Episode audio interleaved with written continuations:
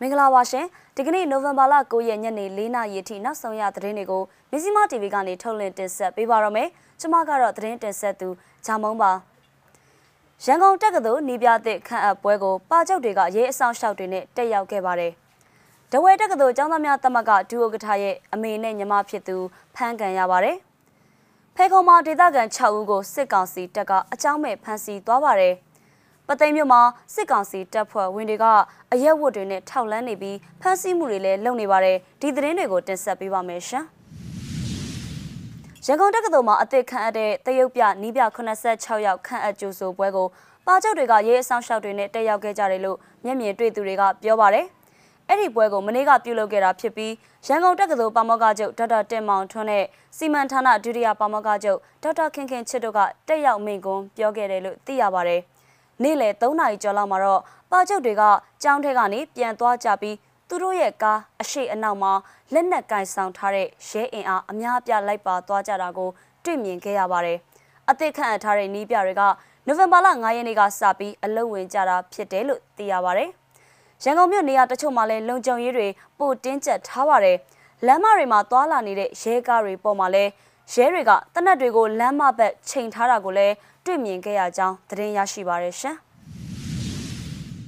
တနင်္သာရီတိုင်းဒေသကြီးဒဝဲမြို့နယ်ကနိုင်းတာကျေးရွာမှာနေထိုင်တဲ့ဒဝဲတက္ကသိုလ်ကျောင်းသားများတမကဒူဥက္ကဋ္ဌရဲ့အမေနဲ့ညီမဖြစ်သူကိုစစ်ကောင်စီကမင်းညကဖမ်းဆီးသွားတယ်လို့တန်လွင် Times ရဲ့သတင်းအရသိရပါဗျ။ကျောင်းသားသမဂဒူဥက္ကဋ္ဌမတ်တီရီမိုးကိုစစ်ကောင်စီကရှာဖွေနေတာဖြစ်ပြီး သူ့ကိုမတွေ့တာကြောင့်အမေဖြစ်သူဒေါ်တက်တက်ထွေးနဲ့ညီမဖြစ်သူမတ်ရွှေရီမိုးတို့ကိုဖမ်းဆီးသွားတာပါ။စစ်ကောင်စီတပ်ဖွဲ့ဝင်တွေကအိမ်စီးကနှစ်စီးနဲ့မတ်တီရီမိုးရဲ့အိမ်ကိုရောက်လာပြီးအမေနဲ့ညီမဖြစ်သူကိုဖမ်းသွားတာလို့ဆိုပါတယ်။ည9နာရီလောက်မှာစစ်ကောင်စီတပ်သားတွေအရက်ဝတ်နဲ့နေအိမ်ကိုဝင်းရောက်ရှာဖွေပြီးအမေနဲ့ညီမလေးကိုမတရားဖမ်းဆီးသွားပါတယ်လို့မတ်တီရီမိုးကသူ့ရဲ့ Facebook မှာရေးသားထားပါတယ်။ မတ်တီရီမိုးကိုစစ်ကောင်စီကရာဇသက်ကြီးပုံမှန်905ကကြီးနဲ့အမှုဖွင့်ထားတာပါ။ဖမ်းဆီးသွားတဲ့အမေနဲ့ညီမဖြစ်သူတို့ကိုဒဝယ်မြို့မှာရဲစခန်းမှာထိန်းသိမ်းထားတယ်လို့သိရပါတယ်။နိုဝင်ဘာလ6ရက်နေ့ညကလည်းဒဝဲတက္ကသိုလ်အင်္ဂလိပ်စာဌာနပထမနှစ်ကျောင်းသူမတ်ဤချူချူမွန်ကိုလည်း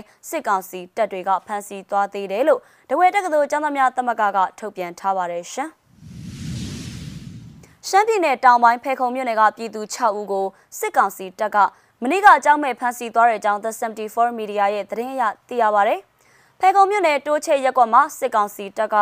ညီအကို2ယောက်ကိုဖမ်းဆီးစစ်ဆေးပြီးတဲ့နောက်နေအိမ်မှာရှိတဲ့သူတို့ရဲ့အကိုဖြစ်သူကိုလည်းထပ်ပြီးတော့ဖမ်းဆီးခဲ့တာလို့နီးစပ်သူကပြောပါတယ်။ဆိုင်ကယ်သွားပြင်ရင်စစ်တပ်နဲ့တိုးလို့အဖမ်းခံလိုက်ရတယ်။အိမ်ဘယ်မှာရှိတာလဲဆိုတာမေးပါတယ်။အိမ်ကိုလိုက်ပြတော့အိမ်မှာသူ့အကိုရှိနေတယ်။သူလည်းဘာမှမသိပဲထပ်အဖမ်းခံရတာ ဖမ်းတော့ကသူ့အဖေရှိပေမဲ့လည်းစကားပြောခွင့်မပေးဘူး။တေးချင်ရင်စကားဆက်ပြောမသေးချင်ရင်ပါဇက်ပိတ်လို့ပြောတော့သူ့အဖေလည်းဘာမှမပြောရဲဘူးလို့ဆိုပါတယ်။စစ်ကောင်စီတပ်ကညီကို၃ယောက်စလုံးကိုဖမ်းဆီးသွားပြီးတဲ့နောက်ညတကောင်မှာဖခင်ဖြစ်သူနဲ့ဘေးအိမ်မှာရှိတဲ့လူငယ်နှစ်ဦးကိုလည်းထပ်ပြီးတော့လာရောက်ဖမ်းဆီးသွားတယ်လို့သိရပါတယ်။အဖေဖြစ်သူစီမှာလက်နက်ရှိတယ်လို့ဆွဆွဲပြီးဖမ်းသွားတာသူ့သားတွေကိုဖမ်းသွားတဲ့စစ်သားတွေကပဲလာဖမ်းတာပါ။အိမ်ထဲမှာလည်းအ ကုန်လုံးရိုက်ချိုးထားတယ်လို့နီးစပ်သူက The 74 Media ကိုပြောပြပါတယ်။အဖမ်းခံရတဲ့သူတွေကတောင်ရလောက်ကင်ကြသူတွေပါ။လက်ရှိချိန်မှာသူတို့ကိုဘယ်နေရာစီဖမ်းဆီးခေါ်ဆောင်သွားလဲဆိုတာတော့မသိရသေးပါဘူး။ဖဲခုံမြို့မှာအော်တိုဘာလ29ရက်နေ့ကလည်းရွှေပြည်အေးရွာကပြည်သူ19ဦးကိုစစ်ကောင်စီကအကြောင်းမဲ့ဖမ်းဆီးထားပြီးဒီကနေ့ထိပြန်လွတ်တာမရှိသေးဘူးလို့သိရပါတယ်ရှင်။ AR တိုင်းပသိမ်မြို့နေရာအနှံ့မှာစစ်ကောင်စီတပ်သားတွေက ចောင်းသားပုံစံနဲ့ကုမ္ပဏီဝန်ထမ်းပုံစံတွေဝတ်ဆင်ပြီးပြည်သူတွေကြားနေ့စဉ်စုံစမ်းထောက်လှမ်းနေတာကိုတွေ့လာရတယ်လို့ပသိမ်မြို့ကန်တွေကပြောပါတယ်။အဲ့ဒီစစ်ကောင်စီတပ်သားတွေကအသက်20ကနေ30ကြာဝန်းကျင်အရွယ်တွေပါ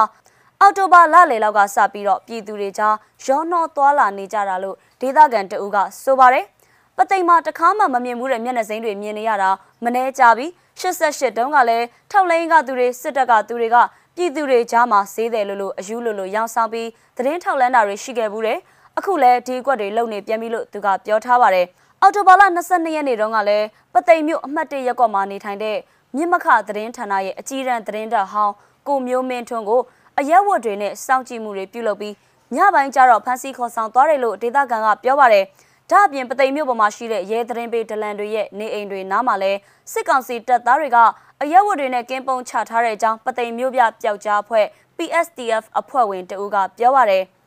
ဟိုတနေ့ကရဲသတင်းပေးဒလန်တယောက်ရဲ့အိမ်သားကိုသွားလေလာတာအဲ့ဒီဒလန်အိမ်ကိုမလန်မကန်ဆိုင်တဆိုင်ကနေစောင့်ကြည့်နေတဲ့လူတယောက်ကိုသတိထားမိတယ်ဒလန်ရဲ့အိမ်သားတစ်ဝက်ကိုပဲတောက်လျှောက်ကြည့်နေတာရုပ်ကလည်းစစ်သားရုပ်ပဲလို့ PSTF အဖွဲ့ဝင်ကဆိုပါတယ်ပသိမ်မြို့နယ်ကပြည်သူ့ကာကွယ်ရေးတပ်ဖွဲ့တွေနဲ့မြို့ပြပျောက်ကြားတပ်ဖွဲ့တွေက